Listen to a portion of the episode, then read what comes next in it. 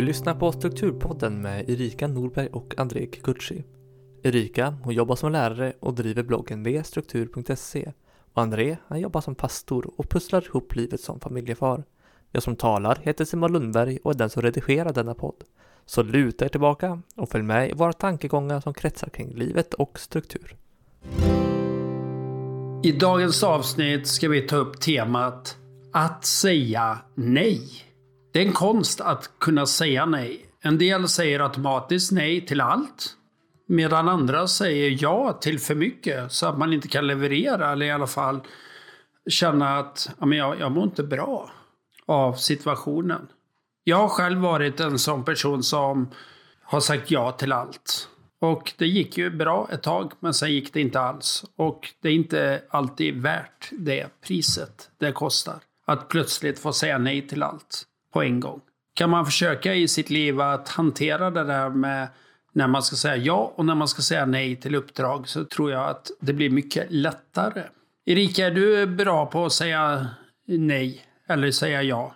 Ja, jag börjar bli bättre och bättre på det i alla fall. Eh, jag är nog ganska bra på att delegera saker. Och jag är ganska bra på att säga nej till sånt som jag vet att jag inte är så bra på. Eh, sen är det svårare med de här sakerna som jag vet att jag kan göra det här, men jag har egentligen inte tid för det. Eller jag har på pappret tid för det, men jag skulle behöva mer tid till att vila. De är lite svårare. Mm. Det är ju mycket man vill säga ja till. Mm.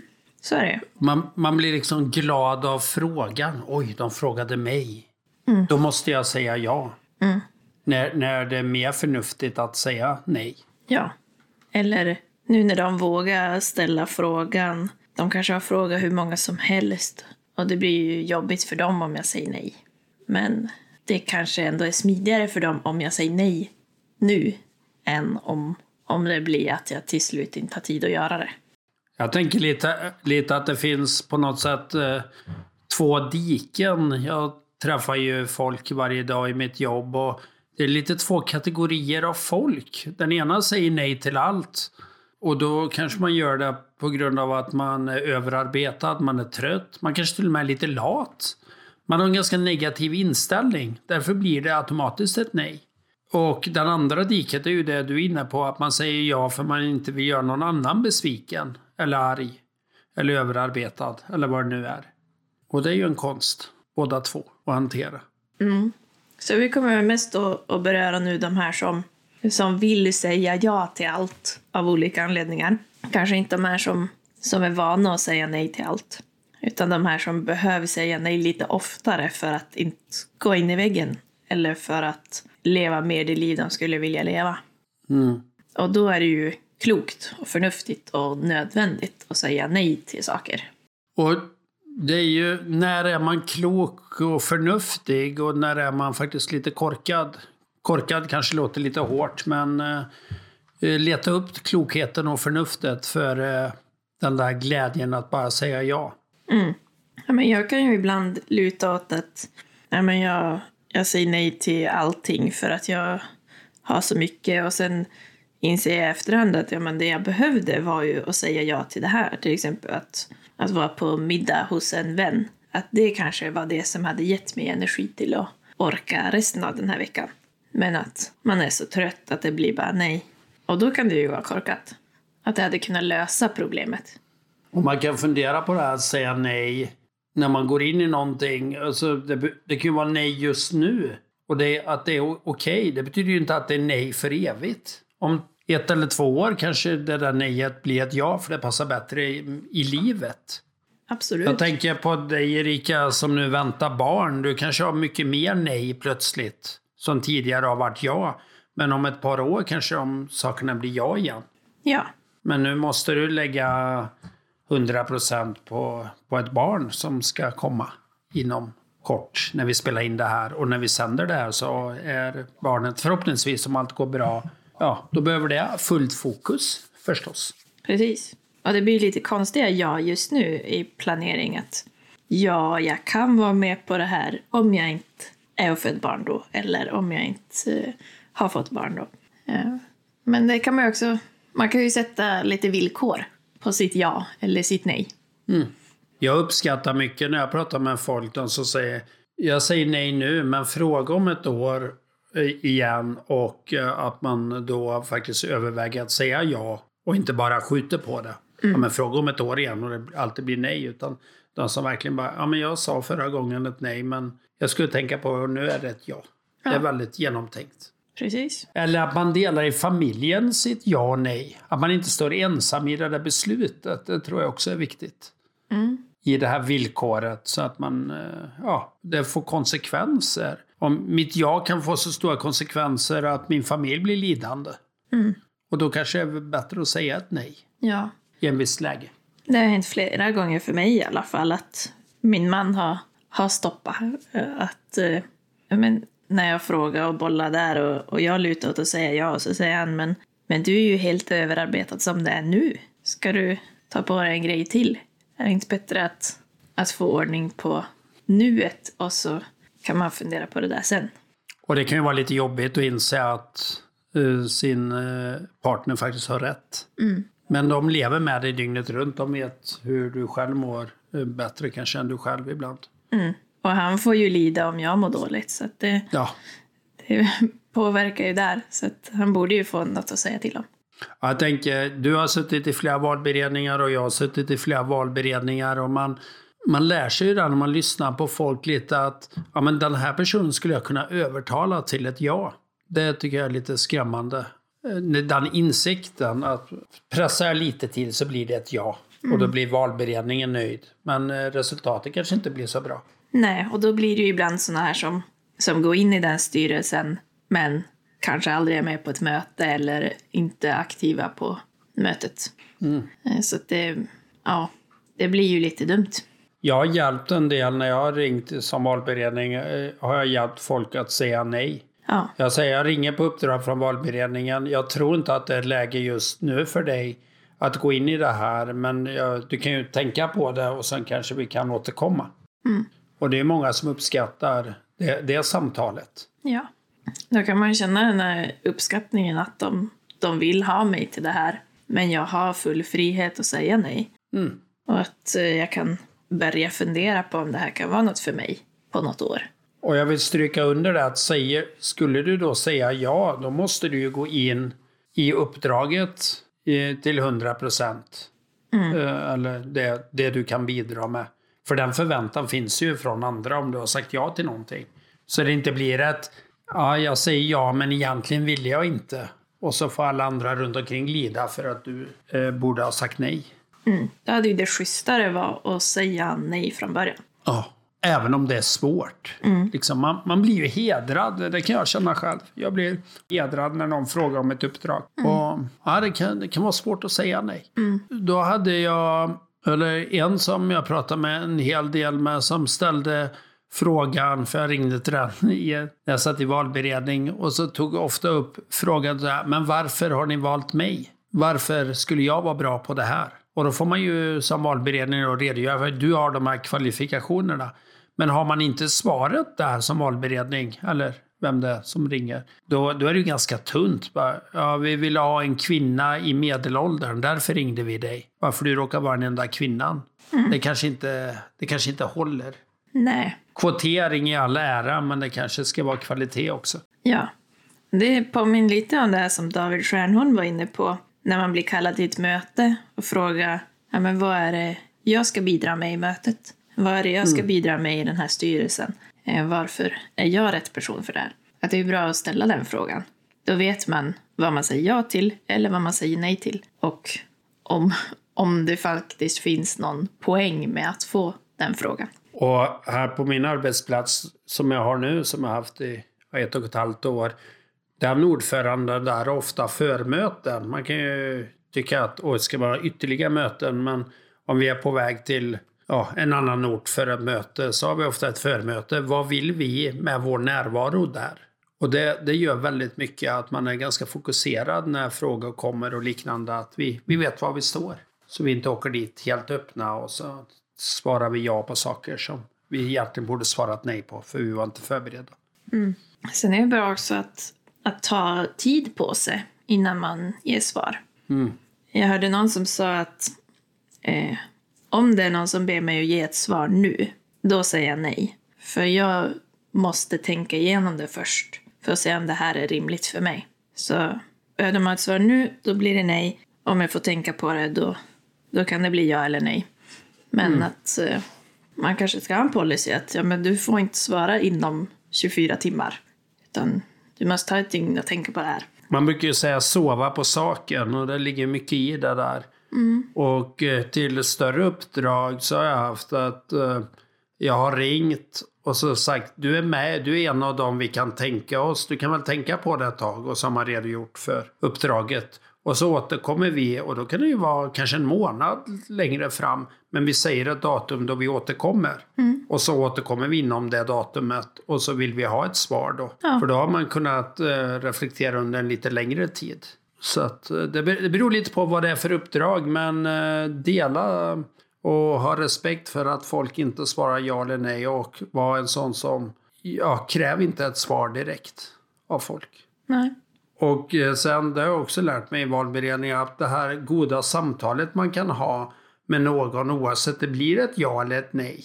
Det kan vara ett ganska långt samtal man kan få av folk ibland som det landar i ett nej och man kanske vet det från början och man kanske tycker att det tar onödigt lång tid. Men då har man fått ett samtal kring livet. Vad, vad gör situationen? Och eh, då lär man sig också rätt mycket om folk. Så att, eh, är du en sån som frågar så ta tid att lyssna också. Ja. På var folk befinner sig just nu.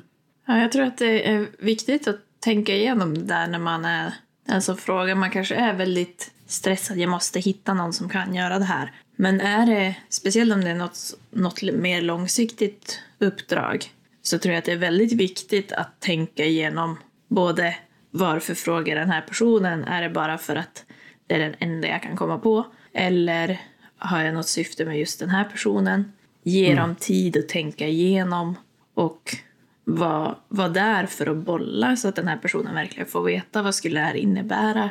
Är det rätt för mig? Eh, att man är beredd på att, att lägga lite tid på det. Då tror jag att folk är mer villiga att gå in i uppdrag också. För att de, de känner att i det här sammanhanget blir jag lyssnad på. Och sen tror jag, när du tillfrågar folk, var ärlig. Om, om de frågar, "Ja, men hur ofta är det möten? Så säger man, men det är inte så många möten. Utan säg, det är möten en gång i månaden. Och uppdraget är ett eller två år eller tre år eller vad det nu är. Om det är ett sånt perspektiv på det. Det här krävs av dig. Då, då vet ju personen förutsättningar för att säga sitt ja eller sitt nej. Ja, Och, och kräv det också av den du frågar, eller den, du, den, den som frågar dig, om du ska svara ja eller nej. Ställ alla de där frågorna. Vad innebär det här? Hur mycket jobb är det mellan mötena eller i det här projektet? Vad krävs av mig? Vad, vad, vad kostar det, så att säga? ja. Då vet du vad du säger ja eller nej till. Och då får man ju en mycket bättre person på den posten också. Då har man någon som har sagt ja till allt det innebär. Det är mycket vettigare. Och den personen vet vad den ska förbereda sig på. Och det går ju verkligen att lyfta det här att ja, men om jag säger ja till det här, då tar jag ju energi från något annat. Ja. Och det måste jag också hantera i det här. Vad innebär det för mig? Och då kanske det är bra att kunna säga nej och vara i det sammanhang man just nu är i. Vi pratar mycket i mitt sammanhang i kyrkan det här att eh, bygga upp och, eh, eller så och skörda. Att man måste vara kvar ett tag också för att uppleva att man får skörda. Att man får se resultat av det och då kanske inte går att hoppa runt på korta uppdrag hur mycket som helst. Nej. Och så kan man ju också tänka att, att ja, men jag är en sån som säger ja till allting. Men, men om jag säger ja bara för att vara snäll och att de kanske inte har någon annan. Då kanske jag egentligen tar platsen från någon annan som skulle vilja ha den rollen och som skulle fungera bra. Precis. Hur, vems plats tar du?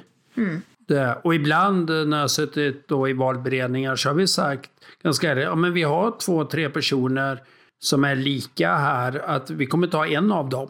Även om alla säger ja.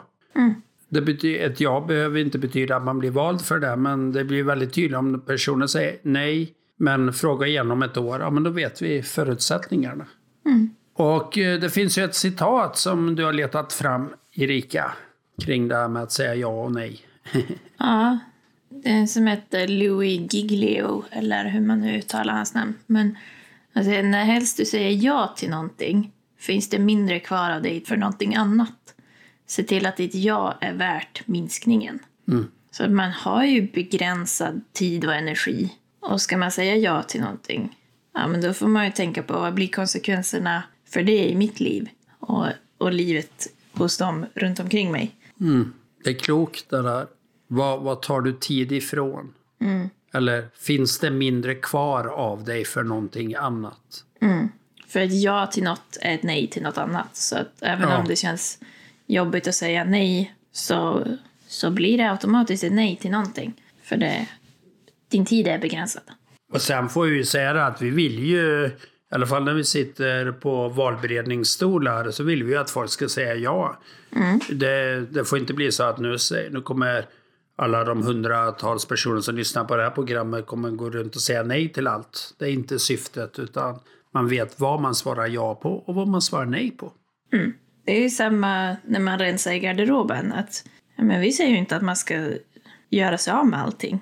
Men vara lite genomtänkt i vad är det jag vill ha kvar? Vad är det jag vill ska vara en del av mitt liv? Och vad behöver inte vara det som bara tar plats? Det är ju både tid och saker. Och du har ju en, en annan person du återkommer till, eller det här med att göra och inte göra. Och ett citat kring det. Mm. Craig Rochelle tycker jag är, är väldigt bra på det här med tidshantering, bland annat, och ledarskap och allt möjligt. Men, men han säger bara för att du kan göra något betyder inte att du borde göra det.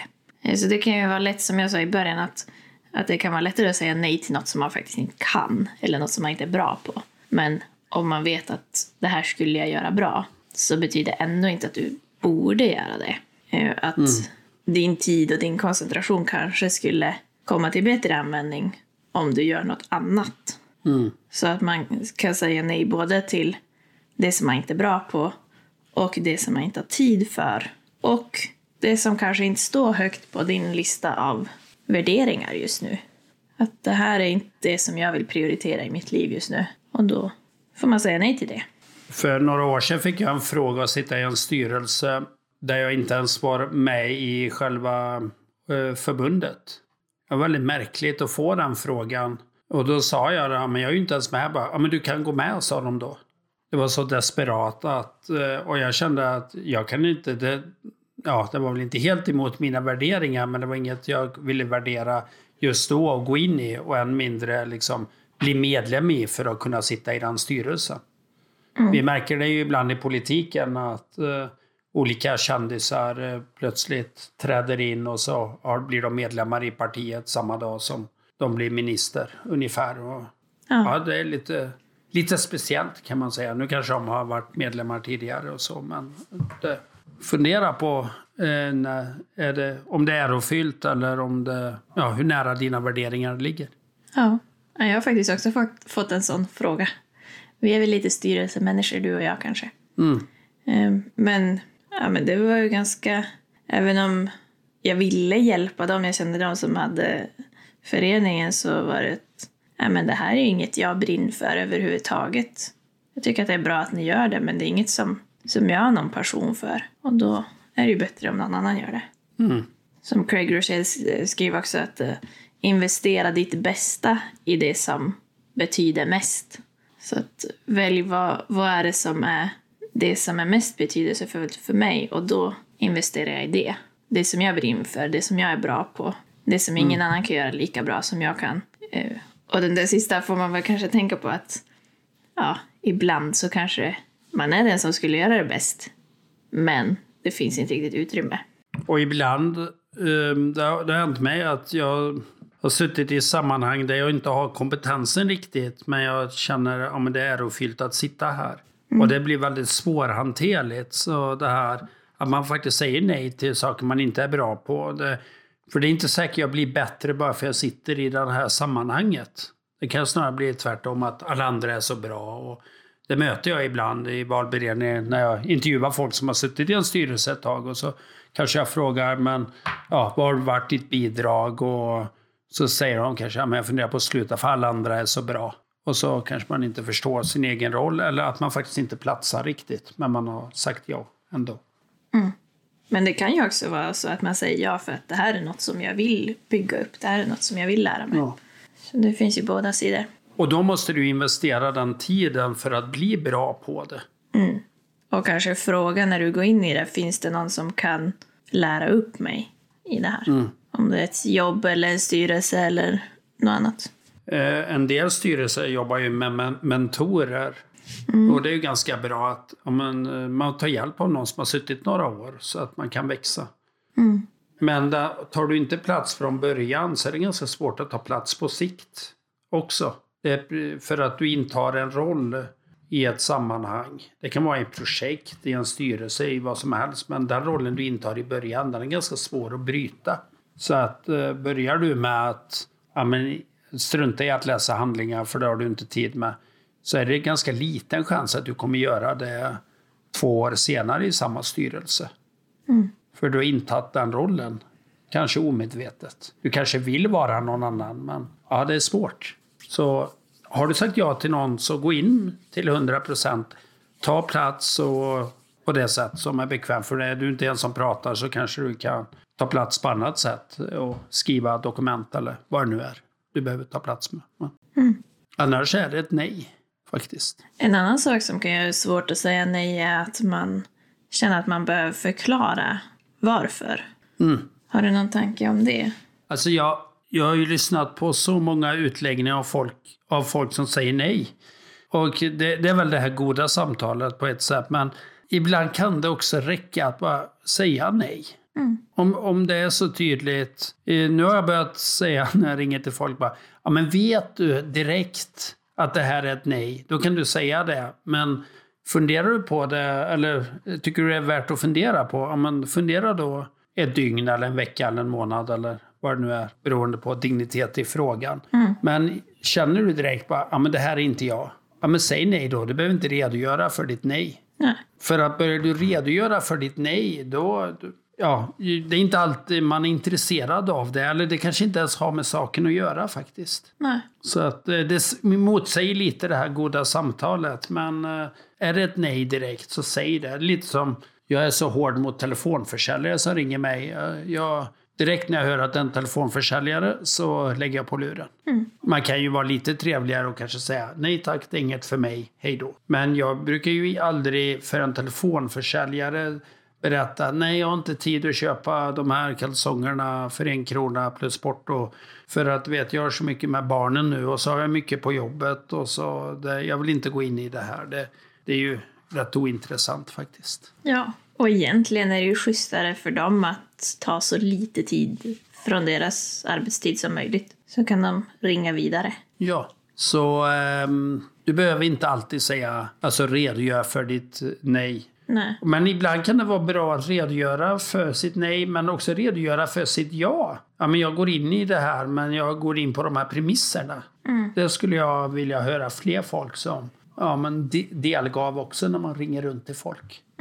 Jag blir nästan lite sugen på att sitta i en valberedning igen nu, känner jag. Men det är väl bra att vara hemmaförälder här nu, pappaledig under våren och släppa allt. Men man går igång på de där frågorna. Ja, du gör det. Det är bra. du, du är nog rätt person för det jobbet. Men det finns ju, du har ju väldigt många bra saker att tänka på när man är den som ställer frågan. Så det är bra.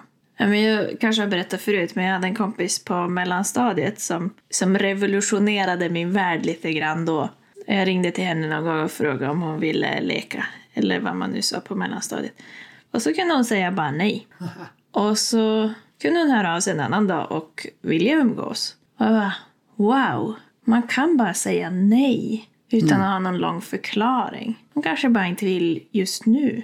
Och det, det var helt nytt för mig då, för då var jag, jag hade flera personer som jag kanske inte ville umgås med så ofta som de ville umgås. Och tänk att bara kunna säga nej. Ja, det kan man faktiskt. Och jag kände ett par där den ena var jättebra på att säga nej, men det kunde låta ganska hårt. Nej, sa han. Om man frågade någonting. Bara, nej, det vill jag inte. Eh, Nej.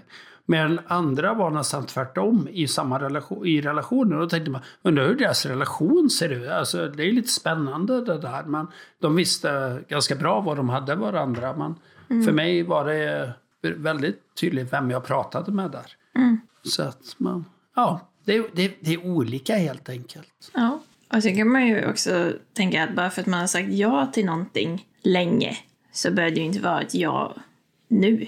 Har man suttit i en styrelse i tio år och bara sagt ja varje gång man har fått frågan om omval så, så måste man ju faktiskt inte sitta kvar. Eller om man alltid har varit den som har varit ansvarig för en viss grej. Man kan ju få släppa det om det mm. inte passar längre.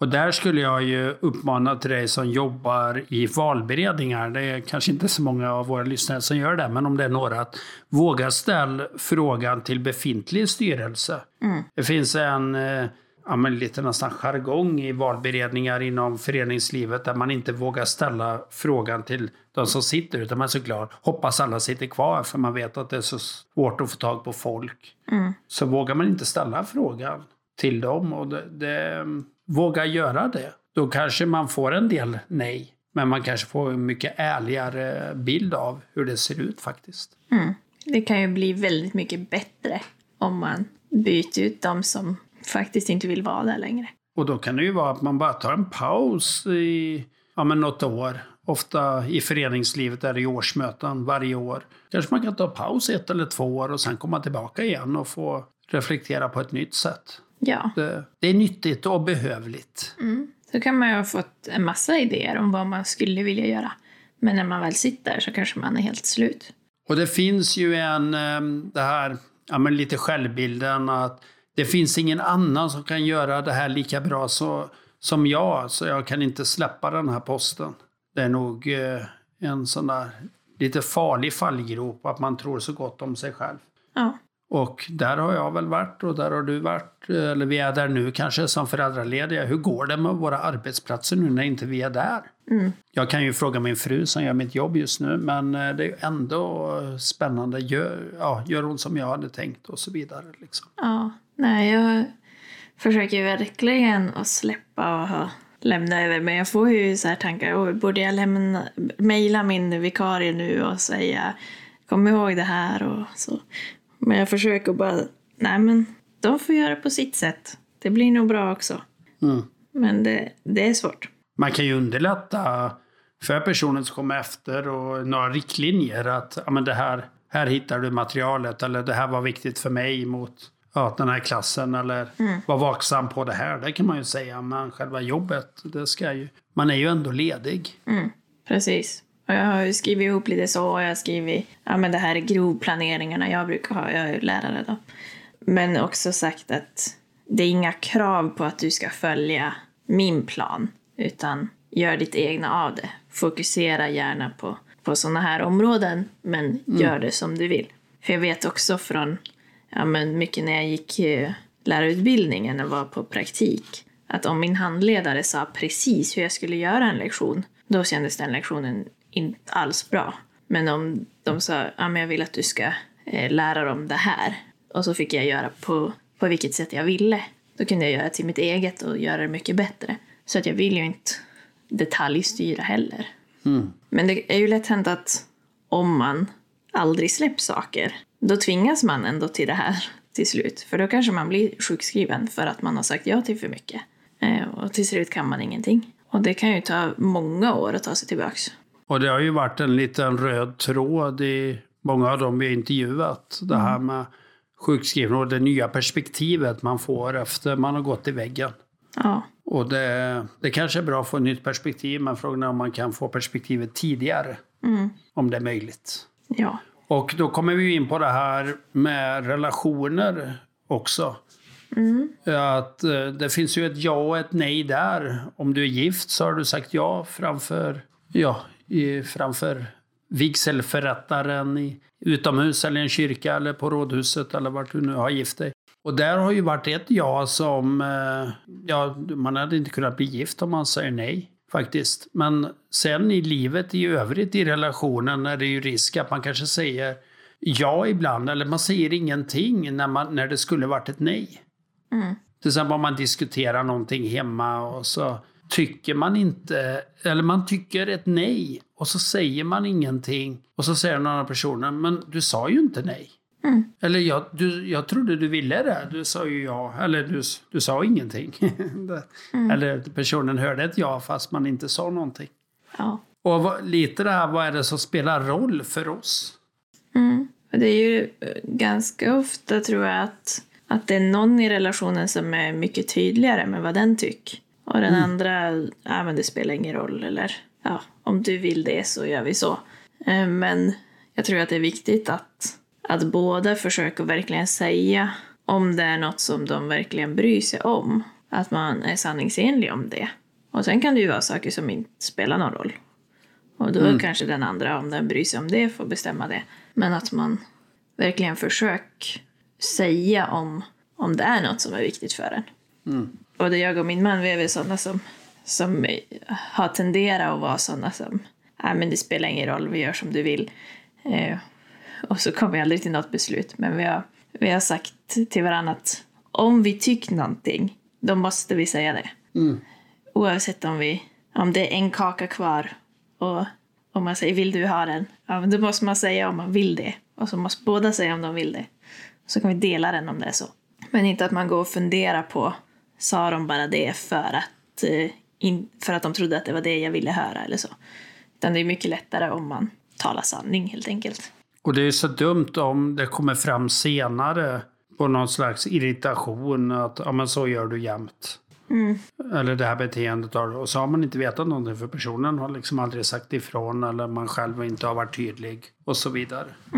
Och, och jag hade en, en chef en gång som uttryckte någonting som den tyckte var olämpligt men som jag hade gjort, eller ett val jag hade gjort då. Och det kom så sent eh, så jag blev nästan, men har du liksom gått och funderat på det ända fram till nu? Du borde ha sagt det direkt då. Eller inför. Du var med och godkände det här. Och, och nu kommer det liksom. eh, Ett halvår senare. Det, ja, så att eh, var, var tydlig i relationer på, i hemmet och arbetsplats och de du har relation till att ja, men försök vara tydlig med vad du tycker och tänker utan för det att köra över någon förstås. Men ändå. Låt in, personen ska inte behöva gissa vad du tänker och känner.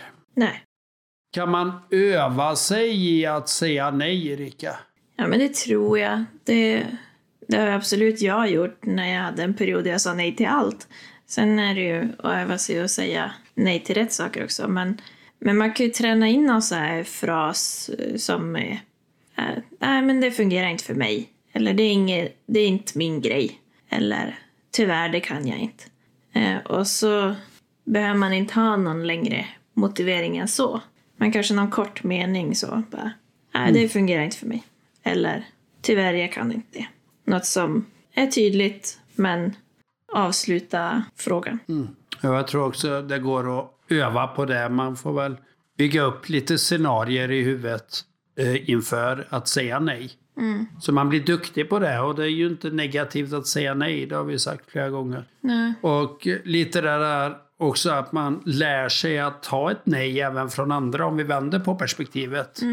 Och man kanske inte alltid behöver förklara sig eller be om ursäkt eller känna sig skuldmedveten att det är ett nej. Utan att man ja, säger andra nej till dig så kan du säga nej vidare. Och hur, att lyssna på hur säger andra nej. Ja. Och du kanske har någon förebild där eller kan få en förebild. Ja, men den säger nej på ett väldigt bra sätt. Det skulle jag vilja ja, ta efter. Mm, precis. Och man kan ju tänka det både när man ställer frågor till folk som vi var inne på att ja, men, gör att det är väldigt öppet att säga nej också. Eh, så att andra känner att de får säga nej till dig.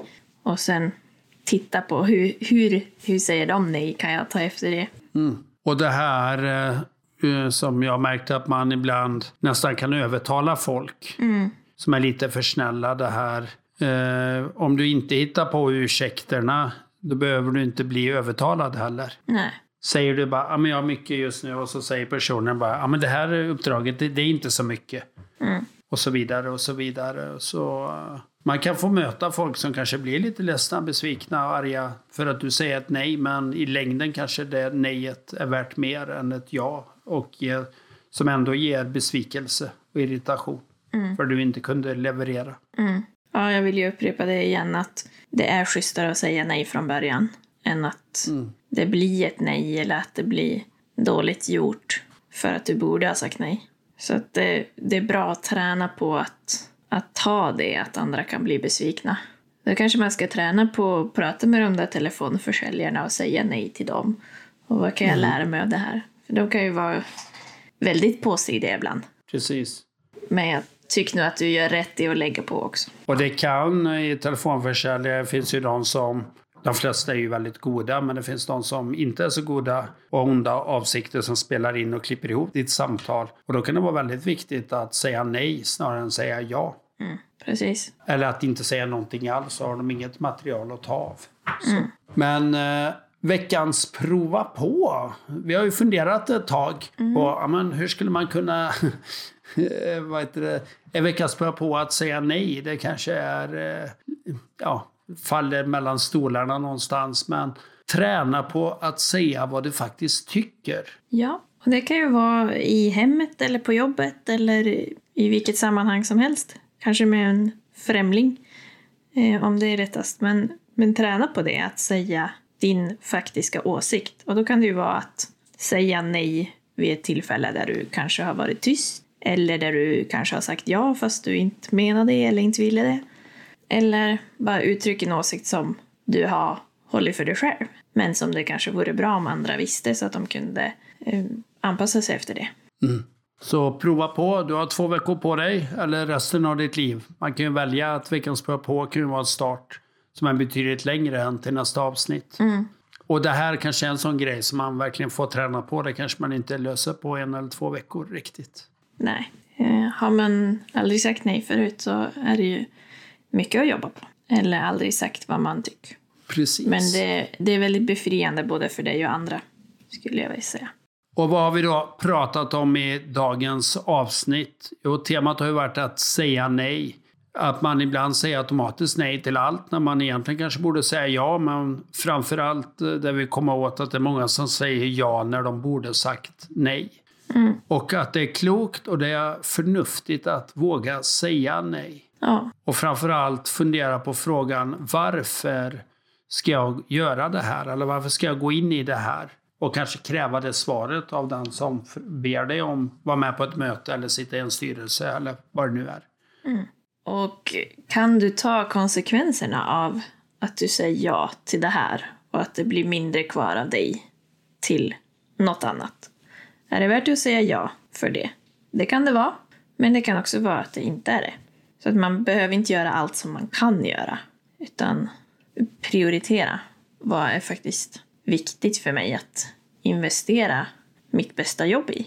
Och när du har funderat minst 24 timmar, eller i alla fall sovit på saken, så säger du ja eller nej. Och då säger du nej till det du inte har tid för, det du inte är bra på och det som inte står högt på din värderingslista. Mm. Och så ja till det som du brinner för, det som du är bra på. Det som ingen annan borde göra istället för dig. Och samtidigt fastna inte i den här fällan att det finns ingen annan som kan göra det här lika bra som jag. Så därför kan jag inte släppa det. Utan överväg ditt ja eh, eller ditt nej. Det som tidigare har varit ett nej kanske har blivit ett ja nu för livssituationen sett annorlunda, ser annorlunda ut. Men det kanske också blir ett nej även om du har suttit med i ett sammanhang länge. Ta en paus något år, få nya perspektiv, komma in och bidra på ett nytt sätt. Och våga säga vad du faktiskt tycker i, i relationerna hemma, i relationer på jobbet, i, i alla sammanhang egentligen. Att träna på att uttrycka din åsikt. Respektfullt såklart, men, men gör det ändå. Det är lättare att hantera då. Och det är ju veckans prova på att träna på vad du faktiskt tycker. Våga säga nej till ett tillfälle där du tidigare kanske varit tyst eller sagt ja för att du har varit hedrad fast du har inte riktigt menat det. Eller uttryckt en åsikt som du har hållit för dig själv. Kan du också träna på. Ja.